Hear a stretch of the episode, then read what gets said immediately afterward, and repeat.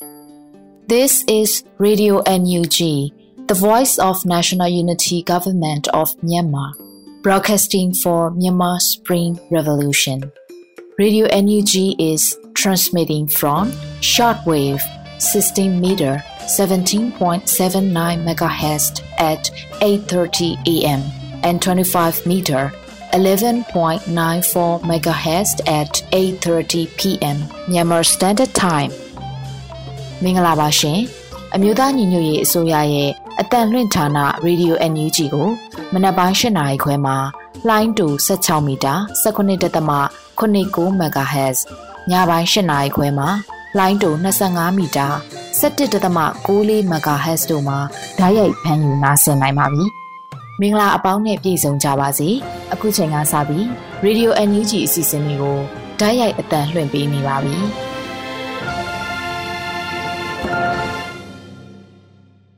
မင်္ဂလာရှိတဲ့နနက်ခင်းပါရှင်သောတာရှင်များနေကောင်းကျမ်းမာကြပါစေလို့ဆုမွန်ကောင်းတောင်းရင်းနဲ့ဖေဖော်ဝါရီလ6ရက်နေ့ရေဒီယို NUG ရဲ့မနေ့ပိုင်းထုတ်လွှင့်မှုတွေကိုစတင်တော့မှာဖြစ်ပါတယ်ကျွန်မကတော့နှူးရှိပါပါဒီချိန်မှာစပြီးကာကွယ်ရေးဝန်ကြီးဌာနရဲ့စီးရေးသတင်းများကိုတော့ຫນွေဦးလင်ကမှဖတ်ကြားပေးပါတော့မယ်ရှင်ကာကွယ်ဝင်ကြီးဌာနအမျိုးသားညီညွတ်ရေးအစိုးရမှထုတ်ဝေတဲ့နေ့စဉ်စည်ရေးသတင်းချင်းချုပ်ကိုတင်ဆက်ပေးတော့မှာဖြစ်ပါတယ်။ စစ်ကောင်စီနဲ့တိုက်ပွဲဖြစ်ပွားမှုသတင်းတွေကိုတင်ဆက်ပေးကြပါမယ်။ချင်းပြည်နယ်မှာ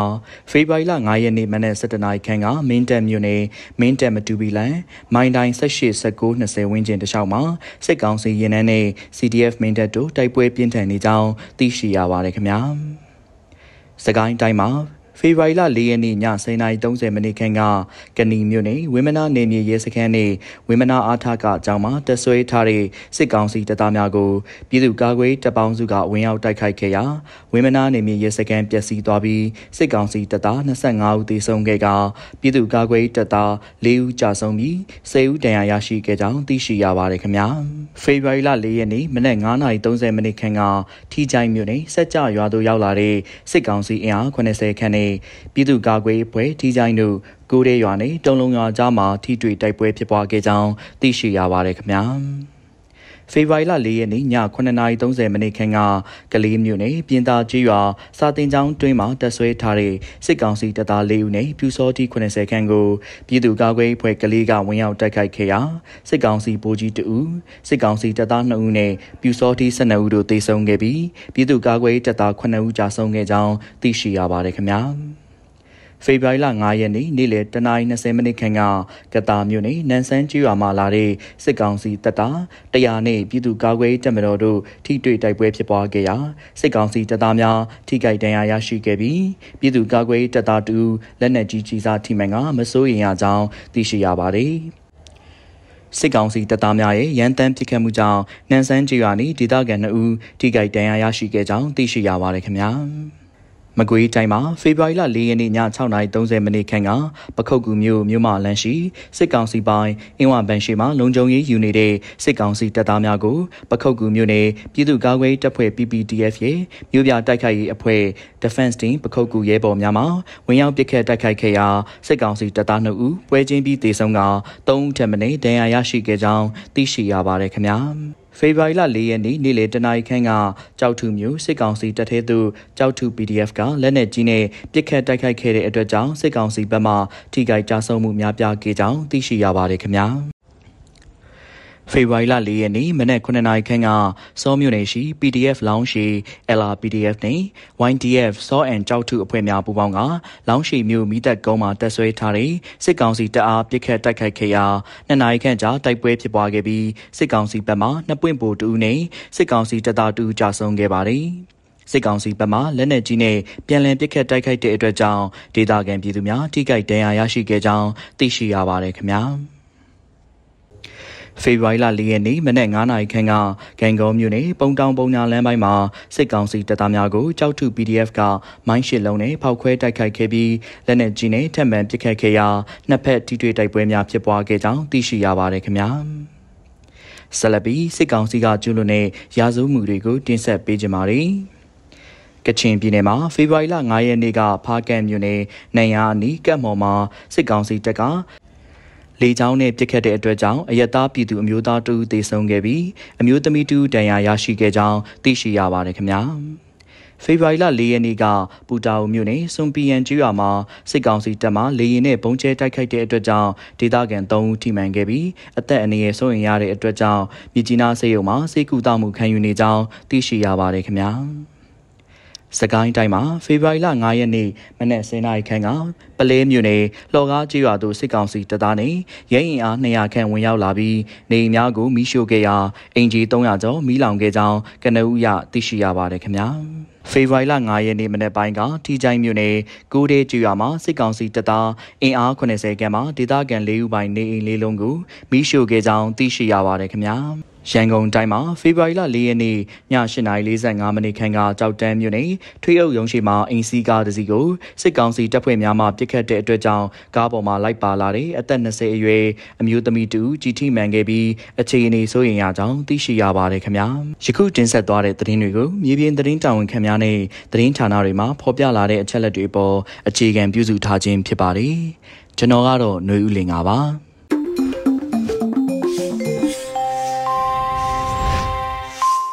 ရေးသတင်းတွေကို နားဆင်ကြရတာ ဖြစ်ပါတယ်။ဆက်လက်ပြီး နောက်ဆုံးရ သတင်းတွေကိုတော့နှွေဦးနှင်းစီမှ တင်ဆက်ပေးမှာ ဖြစ်ပါတယ်ရှင်။အခုချိန်မှစပြီး နောက်ဆုံးရ ပြည်တွင်သတင်းများကို ဖတ်ကြားပါတော့မယ်။ဤသတင်းများကို Radio UNG သတင်းတာဝန်ခံများနဲ့ခိုင်လုံသော မိဖက်သတင်းရင်းမြစ်များစီမှ အခြေခံတင်ပြထားခြင်း ဖြစ်ပါတယ်ရှင်။ပြည်ထောင်စုလွှတ်တော် တတိယအကြိမ် အစည်းအဝေးကိုဗီဒီယိုကွန်ဖရင့်ဖြင့် ကျင်းပနိုင်ခဲ့တဲ့သတင်းကို ဖတ်ကြားပေးပါမယ်။ 2022ခုနှစ်ဖေဖော်ဝါရီလ9ရက်နေ့နနက်10:00နာရီအချိန်တွင်ပြည်ထောင်စုလွှတ်တော်တတိယအကြိမ်အစည်းအဝေးအားဗီဒီယိုကွန်ဖရင့်မှာတဆင့်ကျင်းပပြုလုပ်ခဲ့ကြပါတယ်။အဆိုပါတတိယအကြိမ်ပြည်သူ့လွှတ်တော်အစည်းအဝေးသို့2020ပြည့်နှစ်အထွေထွေရွေးကောက်ပွဲမှာရွေးကောက်ခံပြည်သူ့လွှတ်တော်ကိုယ်စားလှယ်446ရှိသည့်အနက်ပြည်ထောင်စုလွှတ်တော်ကိုယ်စားလှယ်285ဦးတက်ရောက်ခဲ့ကြတာဖြစ်ပါတယ်။အစည်းအဝေးကိုအမျိုးသားညီညွတ်ရေးအစိုးရအဖွဲ့ဝင်များနိုင်ငံတကာတန်ယုံမှတန်တမန်များနိုင်ငံတကာပါလီမန်အမတ်များပါလီမန်ရေးရာအဖွဲ့အစည်းများနှင့်ကျွမ်းကျင်သူများလွှတ်တော်အကူအညီပေးရေးမိတ်ဖွဲ့အဖွဲ့အစည်းများကလေ့လာသူများအဖြစ်တက်ရောက်ခဲ့ကြပါတယ်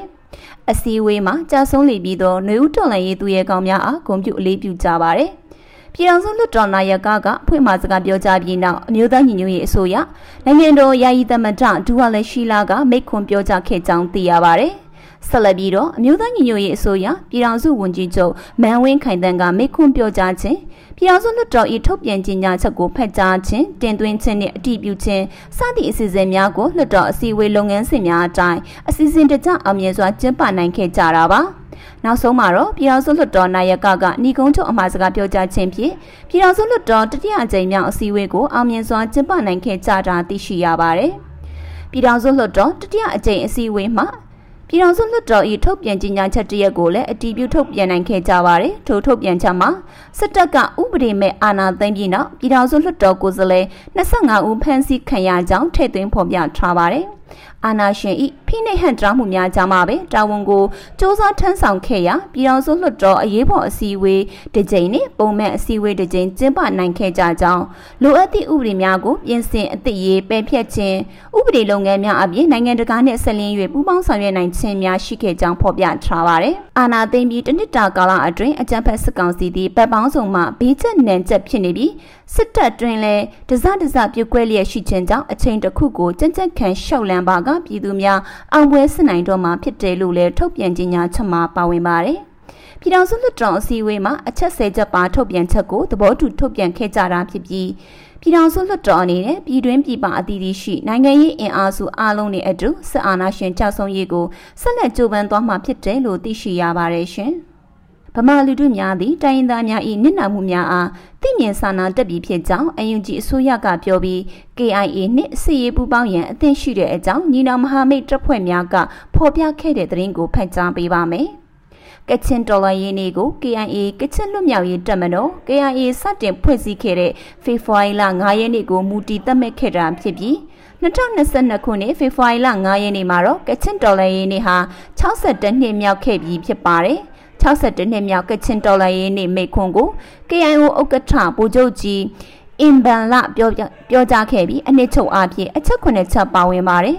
21ရာစုပင်လုံအစည်းအဝေးမှာတိုင်းရင်းသားကိုစားပြုလက်နက်ကင်အဖွဲ့အစည်းတွေကတင်ပြတောင်းဆိုချက်တွေကိုလက်ခံမှုမရှိဘဲလူမျိုးကြီးဝါဒစစ်စံစစ်တပ်မှတင်ပြတောင်းဆိုချက်ကိုသာလက်ခံကြဖို့လှုံ့ဆော်ခဲ့တဲ့အတွက်21ရာစုပင်လုံအစည်းအဝေးကြီးရက်တင်ပြစ်လိုက်ရတဲ့အကြောင်းကိုပြန်ပြောင်းပြောဆိုခဲ့ပါတယ်။ ဆက်လက်ပြီးနေဦးတော်လိုင်းရေးနဲ့ပတ်သက်ပြီးလက်ရှိနိုင်ငံရေးအခြေအနေအကြောင်းပြောဆိုရမှာ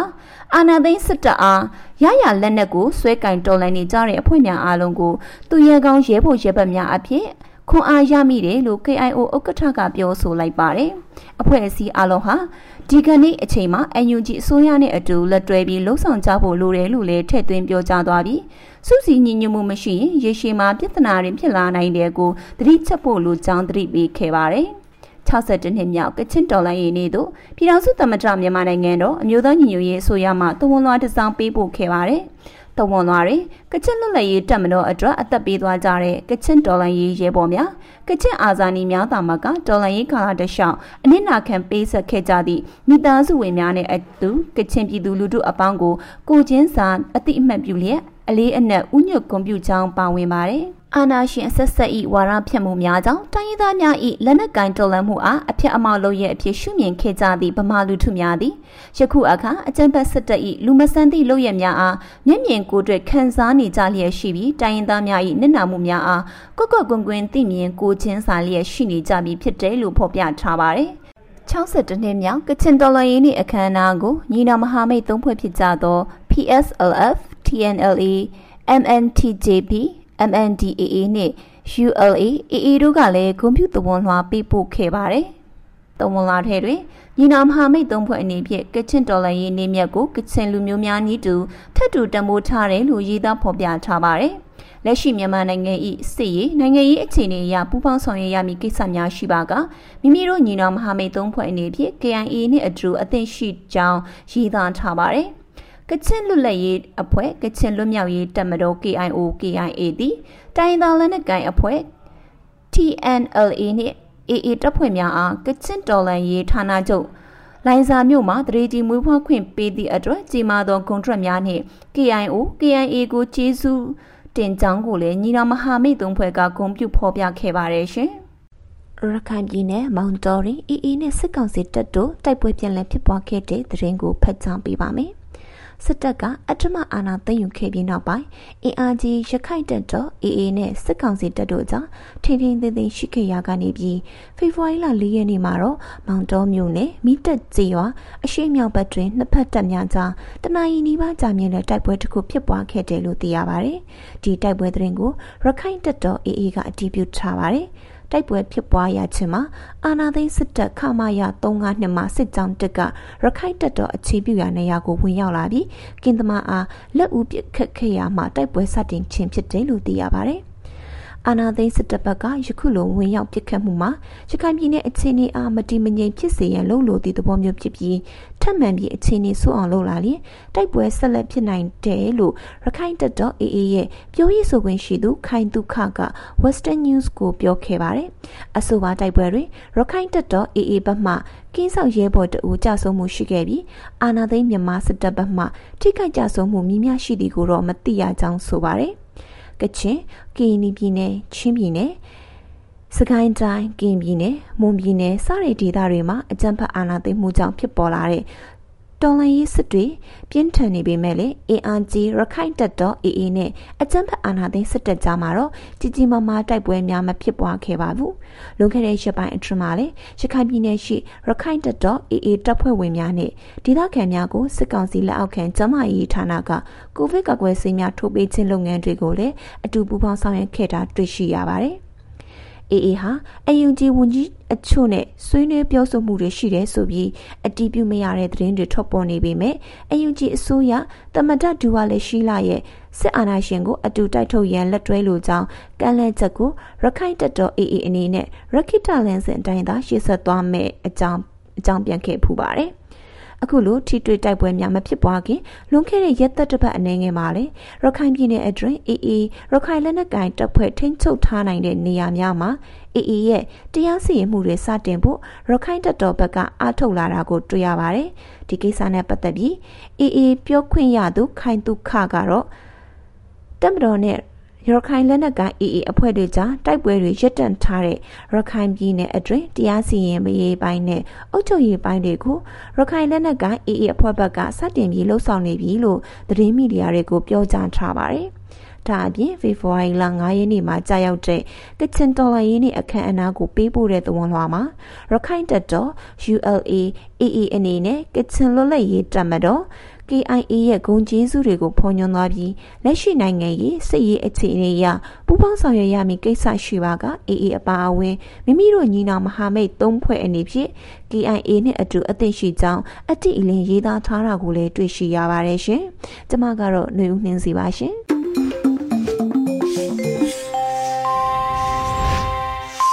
PPTV ရဲ့နေ့စဉ်သတင်းတွေကိုနားဆင်နိုင်ကြပါပြီရှင်။ လက်ရှိကာလမှာရရှိထားတဲ့စီလုံးညီညွတ်မှုတွေကိုအခြေတည်ပြီး Federal Democracy ပြည်ထောင်စုတည်ဆောက်ရေးအစဉ်အသင့်ဖြစ်နေကြပြီလို့ပြည်ထောင်စုလွှတ်တော်ကိုစားပြုကော်မတီက62နှစ်မြောက်ကချင်တော်လှန်ရေးနေ့အတွက်ပေးပို့တဲ့တဝန်လာမှာဖော်ပြထားပါတယ်။တိုင်းပြည်ရဲ့အနာဂတ်ပြည်သူတွေရဲ့အနာဂတ်အတွက်နိုင်ငံရေးနည်းအရငြိမ်းချမ်းရေးဆွေးနွေးပွဲတွေပြုလုပ်ကဆွေးဆုံဆွေးနွေးခဲ့ကြပေမဲ့လည်းလက်နက်အားကိုတဲ့ချင်းဝင်မညီတဲ့ဖက်စစ်စစ်တပ်ရဲ့အာဏာရှင်ဆန်မှုတွေကြောင့် ပြည်သူတွေအနေနဲ့ဖိနှိပ်မှုတွေအကြမ်းဖက်မှုတွေကိုနှစ်ရှည်လောက်များခံစားခဲ့ရပါတယ်။ပြည်သူအာဏာကိုမတရားတဲ့နည်းနဲ့အရမလူယူသွားခဲ့ပြီးအခုကာလမှာတော့နိုင်ငံတော်ဝန်ကပြည်သူတွေကဖိနှိပ်မှုကိုအန်တုပြီးကြာရခန္ဓာမှာတိုက်ပွဲဝင်နေကြတဲ့စီးလုံးညီညွတ်မှုတွေကိုအခြေတည်ပြီးတော့ Federal Democracy ပြည်ထောင်စုတည်ဆောက်ရေးအတွက်အဆင့်သင့်ဖြစ်နေကြပြီလို့တဝန်လာထဲမှာဖော်ပြထားတာပါ။ တိုင်းသားပြည်သူတွေရဲ့ဆန္ဒကိုပြစ်ပယ်ပြီးကိုကြိုးစည်းဝါးအတွက်ပြည်သူအာဏာကိုလက်နက်အားကိုနဲ့တင်ယူကဖိနှိပ်အုပ်ချုပ်ကြတဲ့ဆီယနာရှင်စနစ်ဆိုးကိုစန့်ကျင်တော်လှန်နေကြတဲ့ចောင်းသားလူငယ်တွေနိုင်ငံဝန်ထမ်းတွေနဲ့နိုင်ငံရေးအင်အားစုတွေကိုနှွေးထွေးစွာကျိုးဆိုဆောင်းရှောက်လျက်ရှိနေတဲ့ကချင်တိုင်းရင်းသားအလုံးကိုတိုင်းရင်းသားပြည်သူတရက်လုံးကိုစားပြည်ထောင်စုလွှတ်တော်ကိုစားပြုကော်မတီကအထူးကျေးဇူးတင်ရှိပါတယ်လို့ဆိုပါတယ်။ နှစ်ပေါင်း80ကျော်ကြာအမြင့်တွယ်ခဲ့တဲ့အာဏာရှင်စနစ်ကိုအပိသက်ပပျောက်စေပြီးပြည်ထောင်စုတိုင်းရင်းသားအလုံးအတွက်စစ်မှန်တဲ့ဒဏ်တို့ညီမျှမှုတရားမျှတမှုရှိတဲ့ Federal Democracy ပြည်ထောင်စုကြီးစီကိုဦးတည်ထားတဲ့တော်လှန်ရေးခရီးချက်မှာပြည်ထောင်စုလွှတ်တော်ကိုစားပြုကော်မတီအနေနဲ့ကိုကျိုးမဖတ်ပဲတိုင်းရင်းသားညီနောင်တွေနဲ့အတူလက်တွဲပြီးတော့ရှောင်းလန်းသွားမှာဖြစ်တယ်လို့လည်းကတိပြုဖော်ပြထားတာကိုတွေ့ရပါတယ်။ ဒါအပြင်ဒီကနေ့ကြောက်တဲ့62နှစ်မြောက်ကချင်တော်လှန်ရေးနေ့ကစပြီးကချင်တိုင်းသားတွေနဲ့အတူတကွတိုင်းသားပြည်သူတရလုံးအတွက်အောင်မြင်တဲ့တော်လှန်ရေးနှီးကုန်းကိုအမြန်ဆုံးရောက်ရှိပါစေကြောင်းဆုတောင်းပေးထားတာကိုလည်းတွေ့ရပါတယ်။ဆက်လက်တင်ဆက်ပေးမှာကတော့ဆီယနာရှင်တွေရဲ့တရားဝင်မှုကိုညှင်းပယ်ဖို့နဲ့အမျိုးသားညီညွတ်ရေးအစိုးရရဲ့တရားဝင်မှုကိုခိုင်မာစေဖို့ပြည်ထောင်စုလွှတ်တော်ကျင်းပနေဖို့လိုတယ်လို့ယာယီသမရဒူဝါလက်ရှိလာပြောကြားလိုက်တဲ့ဆိုတဲ့သတင်းကိုတင်ဆက်ပေးပါမယ်။ ဆရာနာရှင်တွေရဲ့တရားဝင်မှုကိုညှင်းပယ်နိုင်ဖို့အမျိုးသားညီညွတ်ရေးအစိုးရရဲ့တရားဝင်မှုကိုခိုင်မာစေဖို့နဲ့ဒီမိုကရေစီအရေးဆက်လက်ရှင်သန်နိုင်ဖို့ပြည်ထောင်စုလွှတ်တော်ကိုဆက်လက်ကျင်းပနေဖို့လိုအပ်တယ်လို့ယာယီသမရဒူဝါလက်ရှိလာကဒီကနေ့မှပြုလုပ်တဲ့ပြည်ထောင်စုလွှတ်တော်တတိယအကြိမ်အစည်းအဝေးမှာပြောကြားလိုက်တာပါယာယီသမရဒူဝါလက်ရှိလာကအမျိုးသားညီညွတ်ရေးအစိုးရရဲ့တရားဝင်မှုကိုခိုင်မာစေဖို့နဲ့ဒီမိုကရေစီဆက်လက်ရှင်သန်ဖို့ပြည်ထောင်စုလွှတ်တော်ရှိပါမယ်။ ဒီမိုကရေစီတရားဝင်ဖို့လွှတ်တော်ရှိရပါမယ်။ဒါကြောင့်ဆင်အနာရှင်တွေရဲ့တရားဝင်မှုကိုညှင်းပယ်နိုင်ဖို့အမျိုးသားညီညွတ်ရေးအစိုးရရဲ့တရားဝင်မှုကိုခိုင်မာစေဖို့ဒီမိုကရေစီရေးဆက်လက်ရှင်သန်နိုင်ဖို့ပြည်ထောင်စုလွှတ်တော်ဆိုတာဆက်လက်ကျင်းပနေဖို့လိုပါမယ်။ဒီကနေ့ကျင်းပတဲ့လွှတ်တော်အစည်းအဝေးဟာထင်ထားတာထက်တောင်ပိုပြီးအရေးကြီးတယ်ဆိုတာကိုမိမောင်းထိုးပြလိုပါတယ်လို့ပြောကြားလိုက်တာပါ။ ဒါအပြင်လွှတ်တော်ဆိုတာဒီမိုကရေစီရဲ့အခြေခံအကျဆုံးနိုင်ငံရေးအဆောက်အဦဖြစ်ပြီးတော့လွှတ်တော်မရှိရင်ဒီမိုကရေစီမရှိတဲ့အတွက်ကြောင့်လွှတ်တော်ကိုဆက်လက်ခေါ်ယူနေရတာဖြစ်တယ်လို့လည်းဆက်ပြောထားပါတယ်။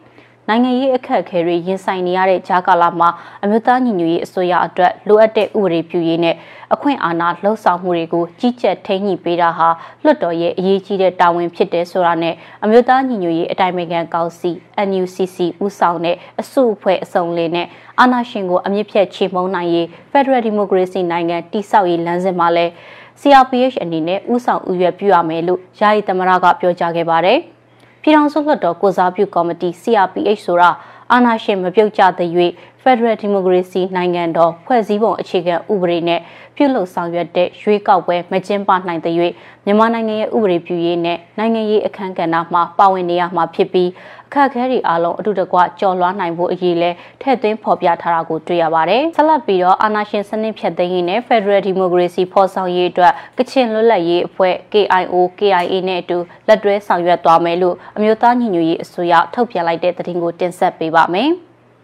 အာဏာရှင်စနစ်ဖြတ်သိမ်းရေးနဲ့ Federal Democracy စနစ်ဖော်ဆောင်ရေးအတွက်ဥတီဆောင်ရွက်နေတဲ့ကချင်လွတ်လပ်ရေးအဖွဲ့ KIO KIA နဲ့အတူလက်တွဲဆောင်ရွက်သွားမယ်လို့အမျိုးသားညီညွတ်ရေးအစိုးရက62နှစ်မြောက်ကချင်တော်လှန်ရေးနေ့အတွက်ပေးပို့တဲ့တဝန်လွှာမှာထည့်သွင်းဖော်ပြထားပါတယ်။ ဆရာနာသိမ်းမှုကိုစန့်ကျင်ပြီးပြည်သူတွေနဲ့တသက်မှတ်တဲ့ရက်တီပေးနေတဲ့ကချင်လွတ်လပ်ရေးအဖွဲ့ KIO KIA နဲ့ကချင်မျိုးသားခေါင်းဆောင်တွေကိုအမျိုးသားညီညွတ်ရေးအစိုးရအနေနဲ့အစဉ်အမြဲတတိတရကျေးဇူးတင်လျက်ရှိပြီးတော့အာဏာရှင်စနစ်ဖြတ်သိမ်းရေး Federal Democracy စနစ်ဖော်ဆောင်ရေးအတွက်ဥတီဆောင်ရွက်နေတဲ့အနာဂတ်မြန်မာနိုင်ငံတော်တစ်ထူထောင်မဲ့တော်လှန်ရေးခရီးမှာအမြဲလက်တွဲပြီးအောင်ပန်းစွတ်ခူတဲ့အထိအတူတကွဆက်လက်ဆင်နွှဲကြပါစို့လို့တိုက်တွန်းထားပါတယ်။ နှစ်ပေါင်း62နှစ်အတွင်းအမျိုးသားတန်းတူရေးနဲ့ဖက်ဒရယ်စနစ်ဖော်ဆောင်ရေးအတွက်တိုက်ပွဲဝင်ရင်ဆွန့်လွတ်စွန်စားအသက်ပေးသွားကြတဲ့ကချင်တော်လှန်ရေးရဲဘော်တွေနဲ့ကချင်အာဇာနည်တွေကိုသာမကတော်လှန်ရေးကာလတခြားအနစ်နာခံပေးဆက်ခဲ့ကြတဲ့မိသားစုဝင်တွေနဲ့ကချင်ပြည်သူလူထုအပေါင်းကိုကိုချင်းစာအတိအမှတ်ပြုလျက်အလေးအနက်ဥညွတ်ဂုဏ်ပြုပါတယ်လို့တဝန်လာမှာဖော်ပြထားပါတယ်။ ခေတ်ဆက်ဆက်အာဏာရှင်တွေရဲ့တရင်အမှောင်ချမှုရည်ရွယ်ချက်ရှိရှိမှားယွင်းတဲ့ဝါဒဖြတ်မှုတွေကြောင့်တိုင်းရင်းသားတွေရဲ့လက်နက်ကင်တော်လှန်မှုကိုအဖြစ်အမှောက်လုပ်ရအဖြစ်ရှုမြင်ခဲ့ကြတဲ့ပြည်မနေဗမာလူထုအများစုကအခုအခါမှာအကြမ်းဖက်စစ်တပ်ရဲ့လူမဆန်တဲ့လုပ်ရက်တွေကိုမျက်မြင်ကိုယ်တွေ့ခန်းစားနေရချိန်မှာတိုင်းရင်းသားတွေရဲ့နေနာမှုကိုကွက်ကွက်ကွင်းကွင်းသိမြင်ကိုချင်းစာလျက်ရှိကြပြီလို့လည်းဆိုထားပါတယ်။ ပင်လုံစာချုပ်ပါအမျိုးသားဒန်းတူရေးကိုပိုင်ပြဋ္ဌာန်းခွင့်နဲ့ကိုကံကြမ္မာကိုဖန်တီးခွင့်တို့ကိုဆုံးရှုံးခဲ့ရတဲ့အတွက်1962ခုနှစ်ဖေဖော်ဝါရီလ9ရက်နေ့ကစတင်ပြီးလက်နက်ကင်တော်လှန်လာခဲ့ကြတဲ့ကချင်တော်လှန်ရေးရဲ့62နှစ်မြောက်နေ့ဟာနေဒူးနေမြက်တရဲဖြစ်တယ်လို့လည်း တဝန်လာမှာဖော်ပြထားတာကိုတွေ့ရပါတယ်။ဆက်လက်ပြီးရခိုင်တပ်မတော် AA နဲ့ဆွေးနွေးမှုတွေရှိတယ်လို့ပြည်ထောင်ရေးနဲ့လူဝင်မှုကြီးကြပ်ရေးဒုဝန်ကြီးခုထဲဘူးပြောကြားလိုက်တဲ့ဆိုတဲ့သတင်းကိုတင်ဆက်ပေးပါမယ်။ရခိုင်တပ်မတော် AA နဲ့နိုင်ငံရေးဆွေးနွေးမှုတွေရှိတယ်လို့ကန္နာယဝရီတိုင်းရဲ့အင်တာဗျူးမှာအမျိုးသားညီညွတ်ရေးအစိုးရပြည်ထောင်ရေးနဲ့လူဝင်မှုကြီးကြပ်ရေးဒုဝန်ကြီးခုထဲဘူးကပြောကြားလိုက်ပါတယ်။ရခိုင်တပ်မတော် AA နဲ့နိုင်ငံရေးဆွေးနွေးမှုတွေရှိလားဆိုတဲ့မေးခွန်းကိုဒုဝန်ကြီးခုထဲဘူးက ဟုတ်ပါတယ်ဒါကတော့ AA တပ်ဖွဲ့ထဲမှာမဟုတ်ပါဘူးအားလုံးကိုတော့တွေ့ဆုံဆွေးနွေးတဲ့အခြေအနေတွေနဲ့အပြန်အလှန်သဘောထားတွေပါအားလုံးကပါဝင်သင့်ပြီးဆိုတာတော့ပြောကြပါတယ်ဆိုပြီးဖြေကြားထားတာပါ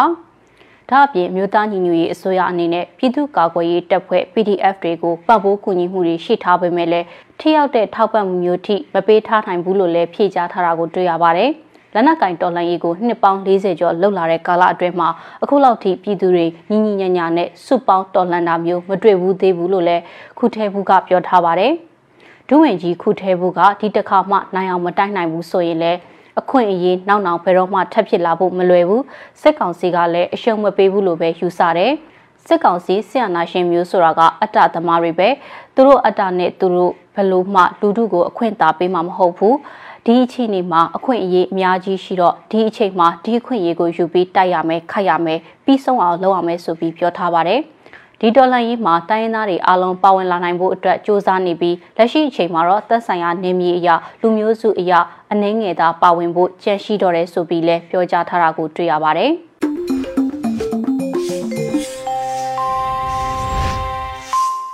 ရေဒီယိုအန်ယူဂျီမှာဆက်လက်တမ်းလွှင့်နေပါတယ်။ဆက်လက်ပြီး တိုင်းရင်းသားဘာသာအစီအစဉ်အနေနဲ့ချိုးချင်းဘာသာစကားခွဲတစ်ခုဖြစ်တဲ့မွန်ဘာသာဖြင့်သတင်းထုတ်လွှင့်မှုကို တင်ဆက်ပေးမှာဖြစ်ပါတယ်။ဒီအစီအစဉ်ကိုရေဒီယိုအန်ယူဂျီနဲ့ချိုးချင်းဘာသာစကားထုတ်လွှင့်မှုအစီအစဉ်ဖွဲ့တို့ကပူးပေါင်းတင်ဆက်ထားတာဖြစ်ပါတယ်ရှင်။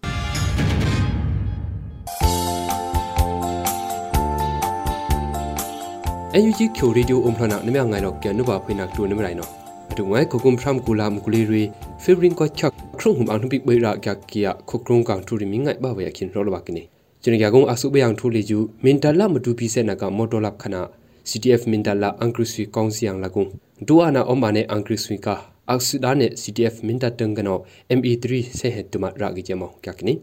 kyoko matu pi mang rong kano minta mang ro tanga krum lo ba kia angru sui kong si ria moto minta la matu pi se na ka mak tum thum kip la kung kwa kha ariyung kano tu ne CTF minta tang kano anak ban ne nam ka na kung angru sui kong si tang ka ak de mak da sina op kini ashumaya ak surya andang le ju MA3 se het tuma ra na op ki ja CTF minta tang kano op na op kini February ko kya phi sayang hum le ju mak tum ku ya long jum phi CTF minta tang kano ban ne mai anam kek na kung ak si angru sui kong si tanga da gi ja mana op kini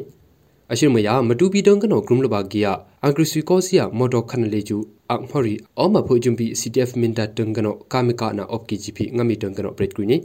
အရှိနာအင်္ဂရိစီကောင်စီယာမော်ဒိုခရစ်ကိဖလောက်လေကျူမတူပီတန်ကနောအကရုမလဘာနာငုပ်ရှာလောက်လောက်လောက်ကီကနေမင်တာမန်ရောလေကျူအတုငွယ်ငောင်းလောက်လောက်လဘာခရကက်စီကြောက်ထုမင်တာမတူပီမော်ဒိုလပ်ခနာအတုဘခရခုချောင်အုံးနဂျွန်ပီဆဲဆွနာကဘီဘာဝိုင်ချာမင်တာမန်ရောမန်ရောအုံနာကအန်ဘုံလာ CTF မင်တာတန်ကနောအနိပနာပရီကျူအပ်ကိနီ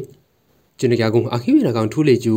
မြမခုကရုံအော့ကီယာခုချောင်ရီတန်ကနောဂလုံနဲ့ကောင်အနဲ့ဘူးနာကအင်္ဂရိစီကောင်စီအဒီရပယဝမ်နော့ဌာနဝိုင်လခိကြ KIO တန်ကနောအပရနမောကြကိနီအင်္ဂရိစီကောင်စီရီကျူဂလုံနဲ့ကောင်အနဲ့ရာနာဝိုင်လာမြမခုပတ်ခွေဂလုံကောင်အနာကခိုဆူရက်ထိုင် NUG အဒငါခုံပေါင်းနဲ့ပြီးဝိုင်လခိမော KIO ဥကထအင်ပန်လာနော KIO ဟာခုကုမ်ခရုကိဘလေအဘေနာကဖေဘရင်ကိုချာမှန်ဟမ်အပရနာအကိနီအနီနောအပရနာကုံလေကျူအတုဘခရခိနုမြမခုကရုံငါ ခုချောင်ရီဝန်ဂလုံနဲ့ကောင်အပိုင်လာမွတ်တာမှုဆဲဟက်ခင်ပက်ဇေရီယွန်အင်္ဂရိစီကောင်စီရာနာယာခိနုံလေကျူခုကရုံအော့ကီအန်ဘုံအဖို့ဖွန်ဂလုံနဲ့ကောင်အနဲ့ကြောက်ဝိုင်လှူကီလာအရှိမယအင်္ဂရိစီကောင်စီခုချောင်ဝန်နော်ဂလုံနဲ့ကောင်အနဲ့ရာနာခနာရေချိုင်နာအော့ကီကြ KIO ဥကထဒင်ကနောအပရနာအော့ကီနေကျတီယာအတုဘခရအင်္ဂရိစီကောင်စီနော်မြမခုကရုံငါအာနာအမ်ရူနာကခိနုံအမတ်တဖို့ဘုံတိန်နေအမတ်တဆုမလီအောင်ပနာဘုံရွှေကခုချောင်ရီတန်ကန်ဂျုံဖီအမင်းငိုင်နာဝိုင်လာ ဖုန်မီပါမီအန်ဟောအောင်ဝိုင်ဝန်ကလုမ်နဲ့ကောင်အနေအင်္ဂရိစီကောင်စီကျူရာနာဝိုင်လှကြီးကြအနီနောပရနာကိနေအခုနကောင်ထူလေကျူအင်္ဂရိစီကောင်စီနောအာနာအမ်ရူနာကခုကုမ်ဘတ်အဘေနာကုံလေကျူမြန်မာခုကရုံကခရစ်ယာန်ရီယာခွင်ထာနာဖယာကြောင်လာခုချောင်ရီယန်အော့နာကအင်ဒုံအဗနာတော့ဖြတ်ထုံကိပလက်ထုမတာဒမ်တဘာကီအင်္ဂရိစီကောင်စီတန်ကနောမြေယမ်ခိနမ်ဒီကီကြအမောင်ကြကိနေအင်္ဂရိစီကောင်စီနောအာနာအမ်ရူနာကခုကုမ်ဖရမ်ကူလမ်ကူလီဖေဘရင်ကိုချာအတုံကနောတွနေ ခဂုံဖရမ်ကူလမ်ကူလီရီဖေဘရင်ကိုချောက်ဖီအခုဒါခဂုံအတ်အကရုံနေယူမြန်မာခိုဘနုံအင်တုံဖြောက်ထုံကိပလက်ထုမတာလမ်တဘာကီအင်္ဂရိစီကောင်စီတန်ကနောမြေယမ်ခိနမ်ဒီကီဂျာ data from မြန်မာတန်ကနောအရုနာအပ်ကိနေအရှိနာ data from မြန်မာတန်ကနောအရုနာကုံလေကျူစကန်ခွနဝကရုံခုချောင်ရအင်မြေယမ်ခိနာအဒမ်ဘေကိနေအချွနုံလေကျူဖြာရှလက်ဖီတာတမ်တဘာကီဂျာအနီနောပရက်ကိနေအတုဘေဖေဘရင်ကိုချာအကရုံဂျုံပီစကန်ခွနုလာမကွေခွနဝကရုံအော့ကီယာမောင်ရောအမ်ချောင်းလေကျူအင်္ဂရိစီကောင်စီတန်ကနော ပြီးတော့ခုချောင်ရအင်တုံရီမြေယမ်ခိနာမဒီနာရီအဒမဒါအဘိနာချော့ကိနေမိမိချိုခွာကရုံလေးကျူအင်္ဂရိစီကောင်စီတန်ကနောခုချောင်ရအုံးနကအင်ရီမြေယမ်ခိနာဒီမချက်နာအဒမ်အဒါအမမယအဒမ်ဘီကကရထန်ဒလမ်မောင်ရောင်လေးကျူအင်တုံဖြတ်ကူလာဖဂိဘလောက်လော်ကီဂျီယာချင်း human right organization တန်ကနောခုကုမ်ဖရမ်ကူလမ်ကူလေရီဖေဘရင်ကွာချာအရိငုံအပရနာအကိနေကျင်းကြကုအနုဗျံထူလေးကျူထိုင်လာအမေရိကန်ခုနောအတငါနဘီယာကောဘရာခရိုဂျီယာ ဒူအာနာကောင်ပါစီထိန်ထောင်နာကုံလေးကျမြန်မာအင်္ဂရိဆွေကခုတပါကရီကျမောင်ကြကနေထိုင်ခုအစိုးရတန်ကနော်တံပေါင်းနဲ့လောက်ခရဖေဘရင်ကွက်ချာမကုဟုပလေကျဖလီကိပလေဝိနာကကောဘရာကောဂျီယာဒူအာနာကောင်ပါစီခဘုံကာရာကောင်ဘုံရီယန်ထိန်ထောင်နာဘီခရီဂျာထိုင်ခုအစိုးရလာအမေရိကန်ဆိုရနင်းလာကုံအနင်းရင်ပိုင်နာအော့ကိနေ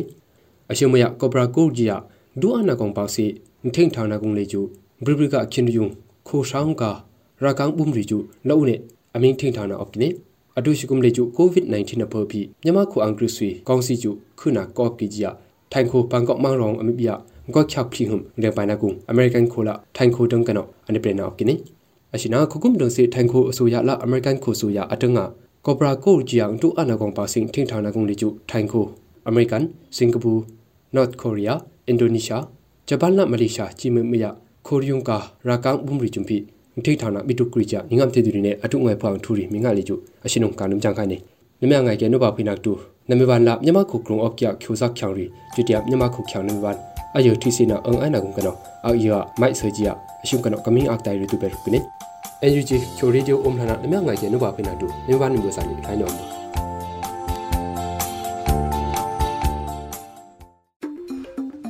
ဒီကနေ့ကတော့ဒီညနဲ့ပဲ Radio NUG ရဲ့အစီအစဉ်လေးကို ခਿੱတရနာလိုက်ပါမယ်မြန်မာစံတော်ချိန်မနက်၈နာရီခွဲနဲ့ည၈နာရီခွဲအချိန်တွေမှာပြန်လည်ဆုံတွေ့ကြပါစို့ရေဒီယို NUG ကိုမနက်ပိုင်း၈နာရီခွဲမှာလိုင်းတူ16မီတာ19.3 89 MHz ညပိုင်း၈နာရီခွဲမှာလိုင်းတူ25မီတာ17.6 MHz တို့မှာဓာတ်ရိုက်ဖမ်းယူနာဆင်နိုင်ပါပြီမြန်မာနိုင်ငံသူနိုင်ငံသားတွေ ကိုစိတ်နှပြကျန်းမာချမ်းသာလို့ဘေးကင်းလုံခြုံကြပါစေလို့ရေဒီယို NUG အဖွဲ့သူအဖွဲ့သားတွေကဆုတောင်းမေတ္တာပို့သလိုက်ရပါတယ်။ San Francisco Bay Area အခြေစိုက်မြန်မာမိသားစုတွေနဲ့နိုင်ငံတကာကစေတနာရှင်လှူအားပေးတွေရဲ့ရေဒီယို NUG ဖြစ်ပါတယ်။အရေးတော်ပုံအောင်ရမည်